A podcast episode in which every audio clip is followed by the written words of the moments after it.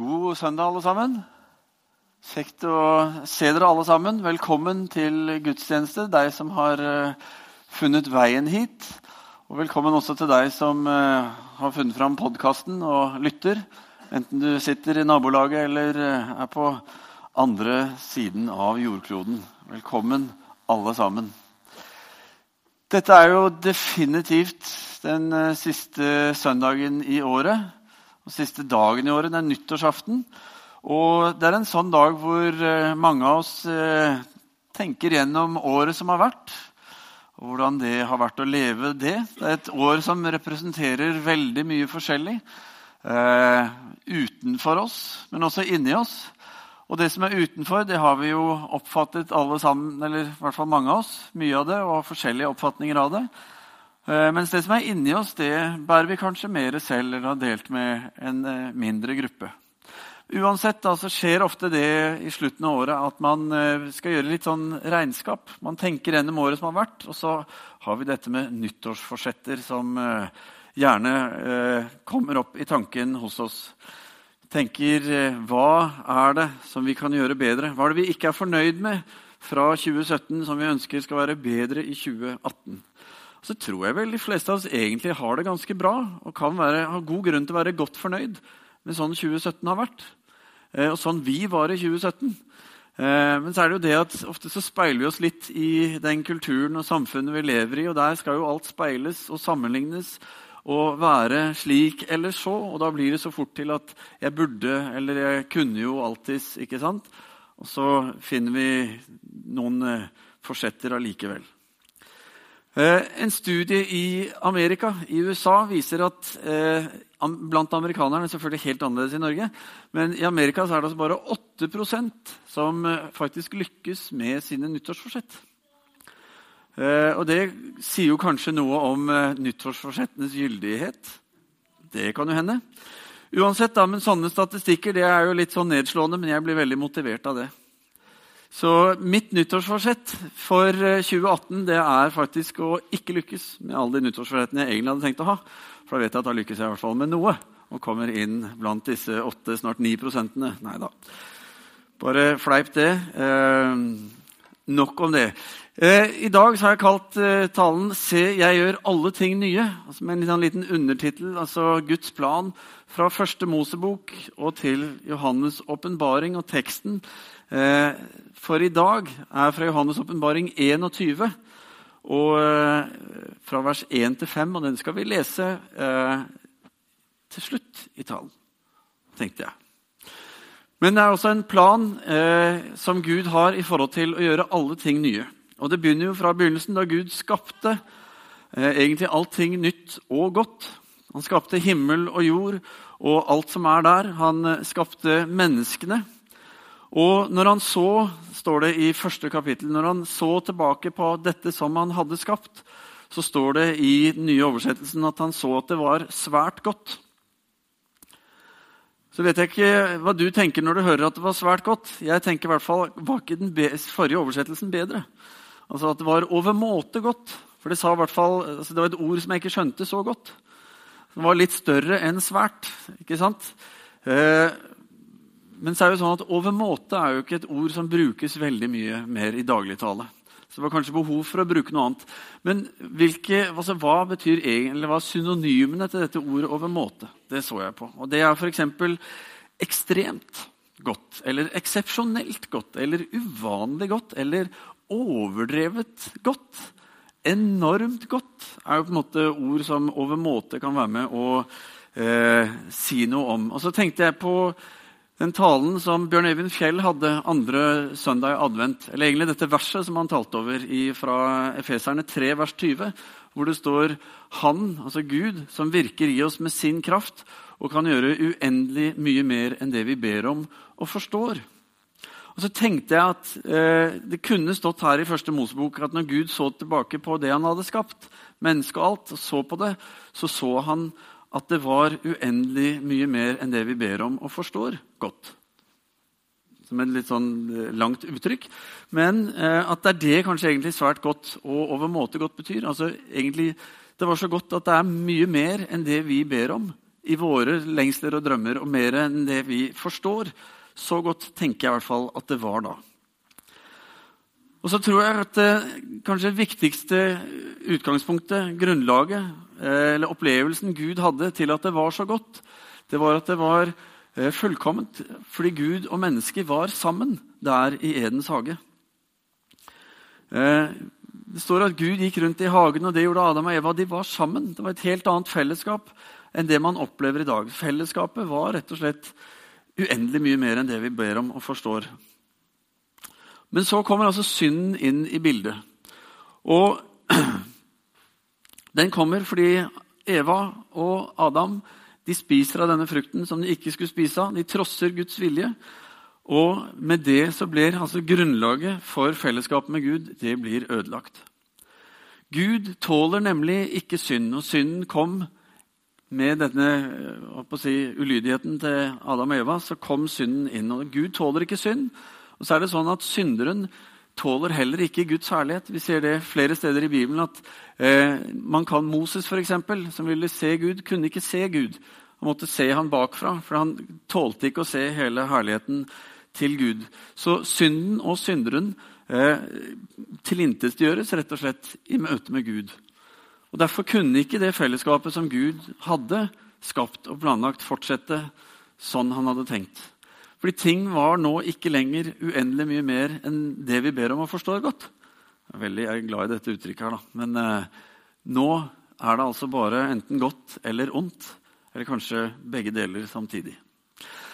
Bare for å eh, se litt nærmere på dette med godt og ondt og hvordan det fungerer, så tenkte jeg vi skulle bruke, jeg liksom laget en graf, slags tegning, som kommer opp på veggen her nå. Og for deg som lytter på podkast, får du prøve å se dette sånn for deg i hodet så godt du kan. Men her har vi altså en strek, en vannrett linje, og midt på den så er det et eh, en, eh, en punkt som skiller på en måte godt og ondt. Hvor godt på den ene siden og ondt på den andre siden. Og Jo mer du går opp på linjen på det gode, jo mer kommer du til der hvor det er uendelig mye mer enn det vi ber om og forstår godt. Altså Det er så godt at vi klarer ikke egentlig å sette et godt ord på det. Eh, og, på den, og samme hvis du går den andre veien, på den siden hvor det onde er, så eh, blir det Jo mer du går der, jo mer blir det da uendelig mye mer enn det vi frykter og forstår ondt på den siden der. Så det er liksom sånn dette beveger seg. Så står det at eh, da Gud skapte, så var alt det gode som er i det røde feltet, som dere ser her, alt det gode er liksom eh, Alt som er på godt, det er liksom den godes virkelighet. da. Det er der man levde. Mens det som er i det grå på den onde siden, det var den ondes mulighet.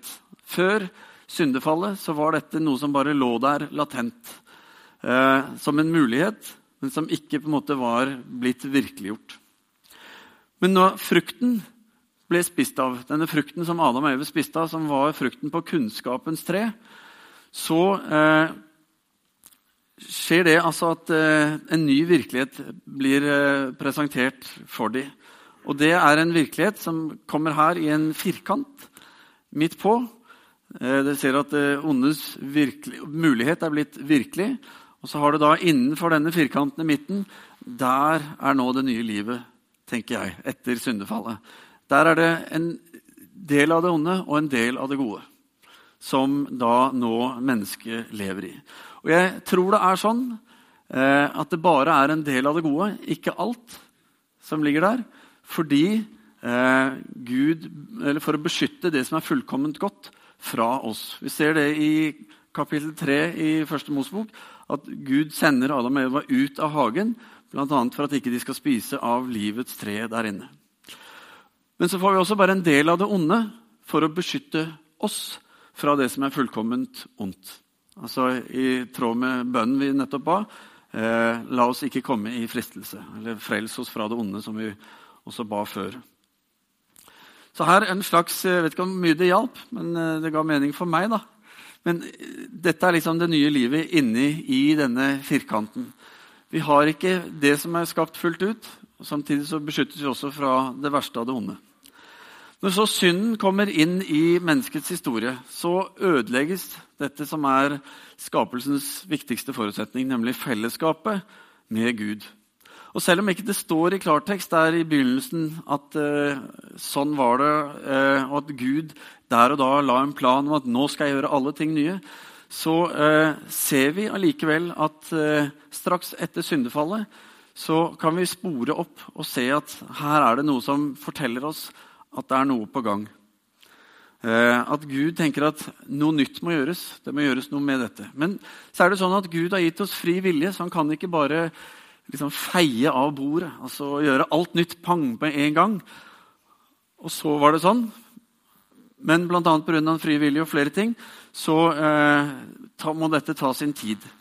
Men at Gud hadde en plan, det kan vi se dersom vi graver dypt. Og De færreste av oss har gravd dypt. Kanskje, Jeg har vist dette en gang før. Kanskje husker du da. Men hvis vi ser på den første slektstavlen i kapittel 5 i første Mosebok, den som er fra Adam som det første mennesket og fram til Noah, altså fra syndefall til syndeflom, så synes det å avdekkes en tanke eh, som eh, ikke er så lett å se. Men det var nemlig sånn at eh, når man ga navn den gangen og En slektstavle har jo noen sånne nøkkelnavn. ikke sant? Hvem er far, og hvem så videre. Når man ga navn på den tiden, så var gjerne navngivningen basert i en hendelse da man ble født. Enten selve fødselen eller omstendigheter rundt den som var med å gi navn til uh, den som ble født. For dere som husker Jabes, som er i, uh, krønikebøkene, Jabes bok som kom ut for en 15 år siden, som veldig mange leste, så står det om Jabes at uh, navnet hans betyr smerte, fordi moren sa 'jeg fødte han med smerte'. Så kan det høres litt sånn urettferdig ut. da, at ja, fordi det var vondt når jeg ble født, så ble jeg hetende smerte. Eh, så var det ikke sånn at det var fordi hun ikke var forventet at det kom til å gjøre vondt. For Det står at Jabes hadde flere eldre brødre. Så Hun hadde jo født før, men det var nok en ekstra smertefull. Men det gir i hvert fall en sånn bilde av ok, hvordan fikk man navn da, og hva kunne det bety.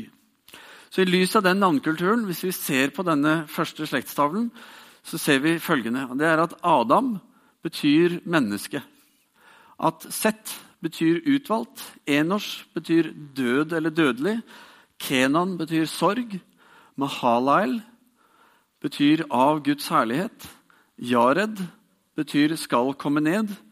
Henok betyr lære. Metushala betyr hans død skal føre til. Lamek betyr de som fortviler. Og Noah betyr trøst eller hvile. Det er den første slektstavlen som vi ser i første Mosebok 5. Og Hvis vi tar, måte, leser dette som en slags setning, da, så, er det, så er det i hvert fall om ikke annet veldig interessant. For der står det et menneske som var utvalgt, skapt, ikke sant? øverst av skaperverket, som uh, skapelsesfortellingen sier. Så, det, så kommer det da død og sorg inn i bildet. Og Kanskje det handler rett og slett om synden og syndefallet.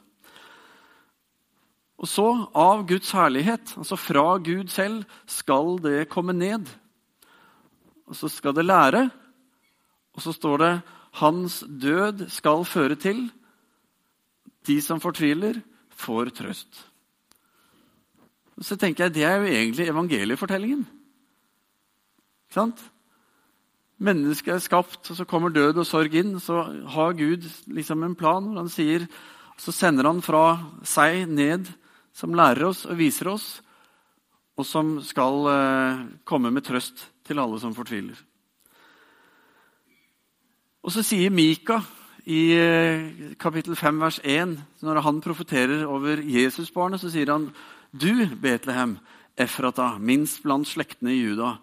Fra deg lar jeg en herske over Israel komme. Hans opphav er fra gammel tid, fra eldgamle dager og som peker tilbake på en måte at ok, Gud har en eh, større plan med det hele her. Og Det fører oss jo inn til Jesus, som er hele kjernen i troen og alt. Og, og Jesu hensikt med å komme til jord, og så det at han ble et menneske, som nå julen vi har feiret, handler om. Jesus skulle gjennom sin død og oppstandelse åpne veien inn til Gud igjen. Den som ble ødelagt pga. synden, den skulle han åpne gjennom sin død og oppstandelse. For at mennesker på ny skulle få lov til å leve i fellesskap med Gud. Så nært som mulig opp mot altså ut ifra de omstendighetene her, så nært som mulig opp mot det Gud ønsket og tenkte da han skapte. Og Dette er Guds ønske fordi han vet at det er dette som er best for oss. Det er dette vi er skapt for, det er dette vi trenger. Det er her på en måte at ting og brikkene faller sammen. Så er det mange fordeler ved dette, og vi skal se på noe av det. Jeg sa i stad at eh, fellesskapet ble ødelagt pga. synden. For Gud tåler ikke synd, og synderen tåler ikke Guds herlighet. Men fordi Jesus døde, og når han døde, brøt syndens makt, og når han sto opp igjen fra de døde, så overvant han også dødens makt. Så skaper han eh, et nytt utgangspunkt for dette ved at han overvant dette.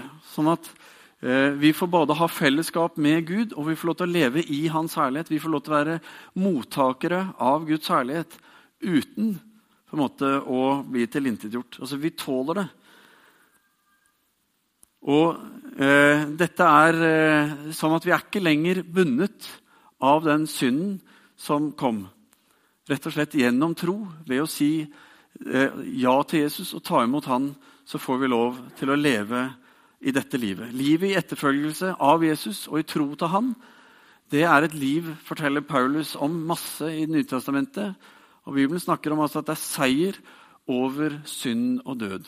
Over dette som eh, kom inn med syndefallet. Og dette var det eh, Jesus var med og skapte. Dette er på en måte troens nye virkelighet, som gir et nytt bilde, og som endrer eh, forutsetningene. Paulus sier om troen i Galaterne 2, vers 20, så sier han Jeg lever ikke lenger selv, men Kristus lever i meg. Det livet jeg lever nå, lever jeg som menneske av kjøtt og blod. Eh, og det lever jeg i troen på Guds sønn, som, nei, som elsket meg og ga seg selv for meg. Når Paulus sier dette, så jeg har brukt store bokstaver på nå, bare for å understreke jeg tror det Paulus sier her, at det, det, skjer noe nå, her og nå, med det Jesus har gjort. Når troen kommer inn i bildet, når vi velger å tro, så er det noe nytt som skjer, og det er dette som vi kaller troens virkelighet. Eh, og som er det avgjørende punktet, for det er det som forandrer forutsetningene for oss i fellesskapet med Gud. Eh, og dette er en viktig, avgjørende del av Guds plan om å gjøre alle ting nye. Troens virkelighet skaper noe nytt her og nå for den som tror. Vi trenger ikke vente på at noe skal gjøres. Vi trenger ikke selv å prestere og få til noe, fordi det er gjort. Det Jesus gjorde, det er på en måte ferdig. Det er fullbrakt, som han selv sa på korset. Jesus gjorde det, og med det så betyr det at her og nå, ved tro, så er jeg frelst. Her og nå så er jeg tilgitt. Her og nå så er jeg rettferdiggjort. Jeg er helliggjort. Og så snakker Bibelen om at eh, vi er korsfestet eh, med Kristus. Vi er begravet med Kristus, vi er oppstandende med Kristus. Sånn at selv om ikke jeg har opplevd det ved selv å bli korsfestet, selv å bli begravet og selv å stå opp igjen, så er det på en måte troens virkelighet. Det er det som skjer med oss. Det vil si at alt det som synden bandt og hindret før, det er nå tatt vekk ved Jesus Kristus. Og det er det som er den nye virkeligheten for oss når vi tror. Jesu historie blir vår historie, min historie.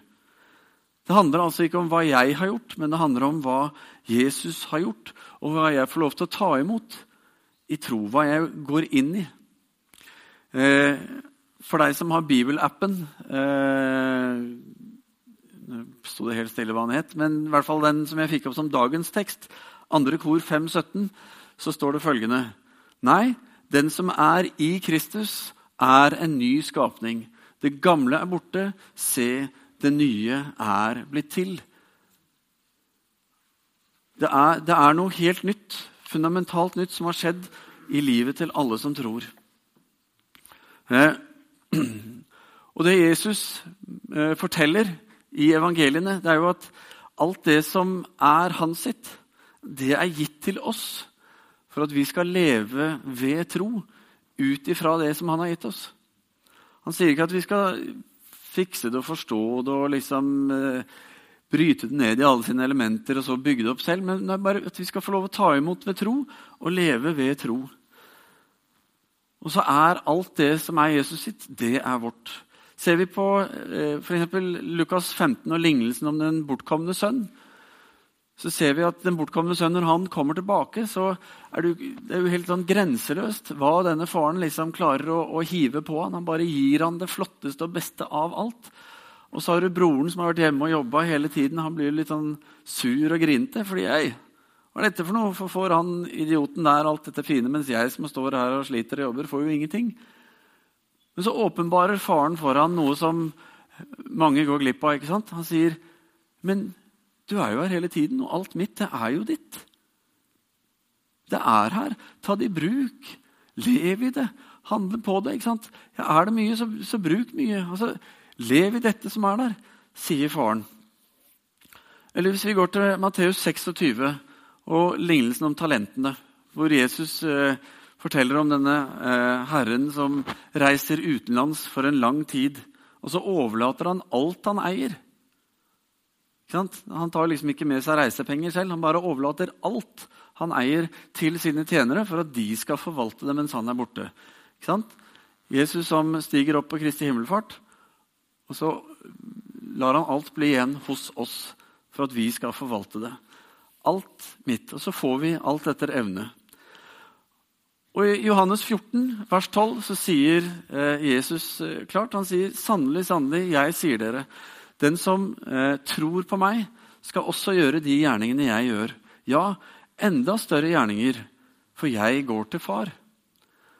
Og Det sier noe om hva som er troens ramme og virkelighet. For ofte, i hvert fall på min eget liv, og jeg syns også jeg ser det eh, rundt i, hos oss som kristne, at vi, vi, er litt som kanskje den hjemmeværende sønnen da, som eh, Vi har ganske mye, men så klarer vi ikke helt å se det, helt å leve i det, helt å ta det til oss. Men troens virkelighet er en langt større virkelighet. Og det handler om at Gud har gjort noe nytt i tiden, i våre liv. Han har skapt noe nytt. Jesu virkelighet er vår virkelighet. Eh, og når vi lever nå, så utfordres vi jo til å leve i tro til Hans ord og til Hans vilje. Så hvis det står i ditt ord, da velger jeg å gjøre det. Holdning. Det er det som er vår utfordring i dag.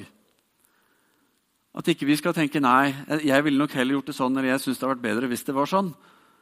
Og så endrer vi litt på forutsetninger, så mister vi litt av det som ligger i det Gud har gitt oss. Og så tror jeg, Når vi velger å måtte, gå inn i måtte, troens virkelighet, så tror jeg vi også får erfare mer av hva tro egentlig er, og hvordan det livet i tro er. Og Der tror jeg det er veldig mye spennende. Guds plan om å gjøre alle ting nye er på en måte i full gang allerede i våre liv. Alt er dekket og klart. Men samtidig så sier også Paulus at uh, her og nå så ser vi stykkevis og delt. Vi ser som i et speil i en gåte. Vi klarer ikke å, å få det hele og fulle bildet. Og Derav må vi også gå i tro. Og så når han sier vi ser som i et speil i en gåte, så alle våre speil er jo glatte og fine, og vi ser jo alt i det speilet. Mens den gangen var det disse ujevne som gjorde at uh, du måtte flytte deg litt fram og tilbake for å få se, det, altså, se, alt ved deg. Du fikk ikke alt i ett bilde. Det var speilene som Paulus uh, forholdt seg til. Da. Men en dag, og det er troens mål, skal vi få se fullt og helt. Da skal vi få lov til å leve i dette uendelig mye bedre enn det vi ber om og forstår godt, som Gud ønsker å gi oss. Vi som tror på Jesus, vi inviteres og vi kalles til å leve i troens virkelighet. Nå er vi tilbake på denne grafen. Dette blå som eh, har med seg alt i firkanten, både det gode og det onde, men som måtte sprenger grensene for det vi eh, ofte kjenner på i livet. At det som er bindinger og som er vanskelig å bryte, det sprenges her er det rom for mye mer. Her er det en virkelighet hvor Gud sier 'legg av deg det usikre'. Jeg Syns det er vanskelig å tro, altså, legg vantroen din der, og så gå i tro. Ta noen steg på det jeg har sagt. Voks i tro, erfar tro. Eh, og for alt det som oppleves vanskelig eller nær sagt umulig, så legg av deg det òg. Fordi Bibelen sier jo at ingenting er umulig for den som tror. Og Det er også en del av denne troens virkelighet som sprenger de vante grensene våre. Som forteller oss at det er noe langt mer som ligger foran oss, og som Gud ønsker å invitere oss inn i. Og sier dette er den egentlige virkeligheten som troen handler om, som troen baner vei inn i, og som du og jeg får lov til å være en del av ved tro. Og Så begynte vi å snakke om nyttårsforsetter. Så tenker jeg, ok, hva ville vært et godt nyttårsforsett? da? Som ikke bare handler om det er fint. Altså, jeg trenger i hvert fall å begynne å trene, men jeg har ikke noe nyttårsforsett om det, for det har jeg prøvd før. Ikke sant? Men men kanskje det å ha noe nyttårsforsett i forhold til troen. Si at jeg har lyst til å måte, skrive ned og kanskje bli mer bevisst på hva er faktisk eh, et steg i tro som jeg kan ta. Bevisstgjøre meg på disse stegene. Og tenke at de stegene har jeg lyst til å ta. De har lyst til å prøve å ut, utfordre meg selv på. Til å eh, ta disse stegene. Men kanskje er det viktigste steget det er også å ta imot dette som vi har snakka om. Ta imot at alt er gjort. At det handler ikke om mine prestasjoner, mine gjerninger, mine gode tanker. Men det handler om hva han har gjort, og det å få leve i det. Og det er det ene, kanskje den største utfordringen vi har som kristne. Det er å ta imot det og akseptere det.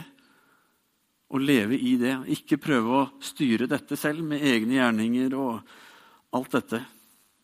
Så ta imot det og leve i det. Ikke for å prestere, men for å erfare.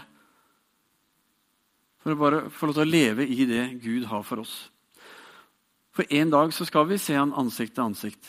Da skal vi få erfare alle ting fullkomment sånn det er gjort nye. Skal vi lese fra Johannes' åpenbaring, kapittel 21, vers 1-5, hvor det står Og jeg så en ny himmel og en ny jord. For den første himmel og den første jord var borte, og havet fantes ikke mer. Og jeg så den hellige byen, det nye Jerusalem, stige ned fra himmelen, fra Gud, gjort i stand og pyntet som en brud for sin brudgom. Og jeg hørte fra tronen en høy røst som sa, Se, Guds bolig er hos menneskene. Han skal bo hos dem, og de skal være hans folk. Og Gud selv skal være hos dem. Han skal være deres Gud. Han skal tørke bort hver tåre fra deres øyne, og døden skal ikke være mer. Heller ikke sorg eller skrik eller smerte. For det som en gang var, er borte. Han som sitter på tronen, sa, Se, jeg gjør alle ting nye. Og han la til, Skriv det ned, for dette er troverdige og sanne ord, skal vi be. Kjære himmelske Far, takk for at uh, Ingenting er umulig for deg. Takk for at du sprenger våre grenser. Takk for at alt det som gikk galt i våre hender, det kan du skape på ny. Det kan du gjøre godt. Uendelig mye bedre enn det vi ber om og forstår, Herre. Så Herre, så ser du hver enkelt av oss. Du kjenner våre liv. Du vet hva vi drømmer om, hva vi ønsker å få til, hva vi ønsker å se i livet, Herre. Herre, jeg ber at du skal hjelpe oss til å legge alt dette framfor deg, Herre, og, med, be om å få se det med dine øyne, Herre. At vi skal få se eh, både hva som er din vilje, og hva som, eh, Herre, du inviterer oss og kaller oss til som troende, Herre.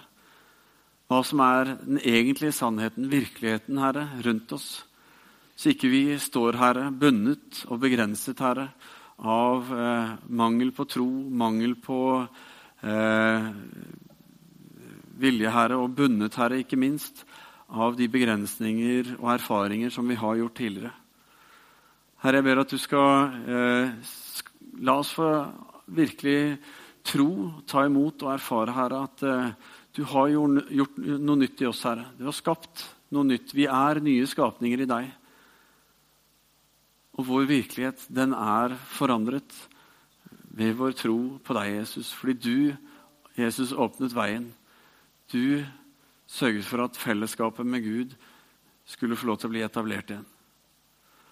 Så takker jeg deg, Herre, for alt det du har gjort for oss. Takk for at du sendte Jesus. Takk for at vi får lov å samles her i, eh, på grunn av Jesus og i Jesu navn. Og få lov til å lovsynge og tilbe og eh, be, Herre, og lytte til forkynnelse og ta del i dette, Herre. Jeg ber, La dette synke inn, Herre. Så ber vi om at 2018, Herre, må få lov til å bli et eh, år i tro, Herre, for oss. Hvor vi får ta nye steg, se nye ting, Herre og få en ny opplevelse og en ny åpenbaring, Herre, av hvem du er, og hva livet i tro og livet i hverdagen med deg handler om. Vi ber om det, Herre, i Jesu navn. Amen.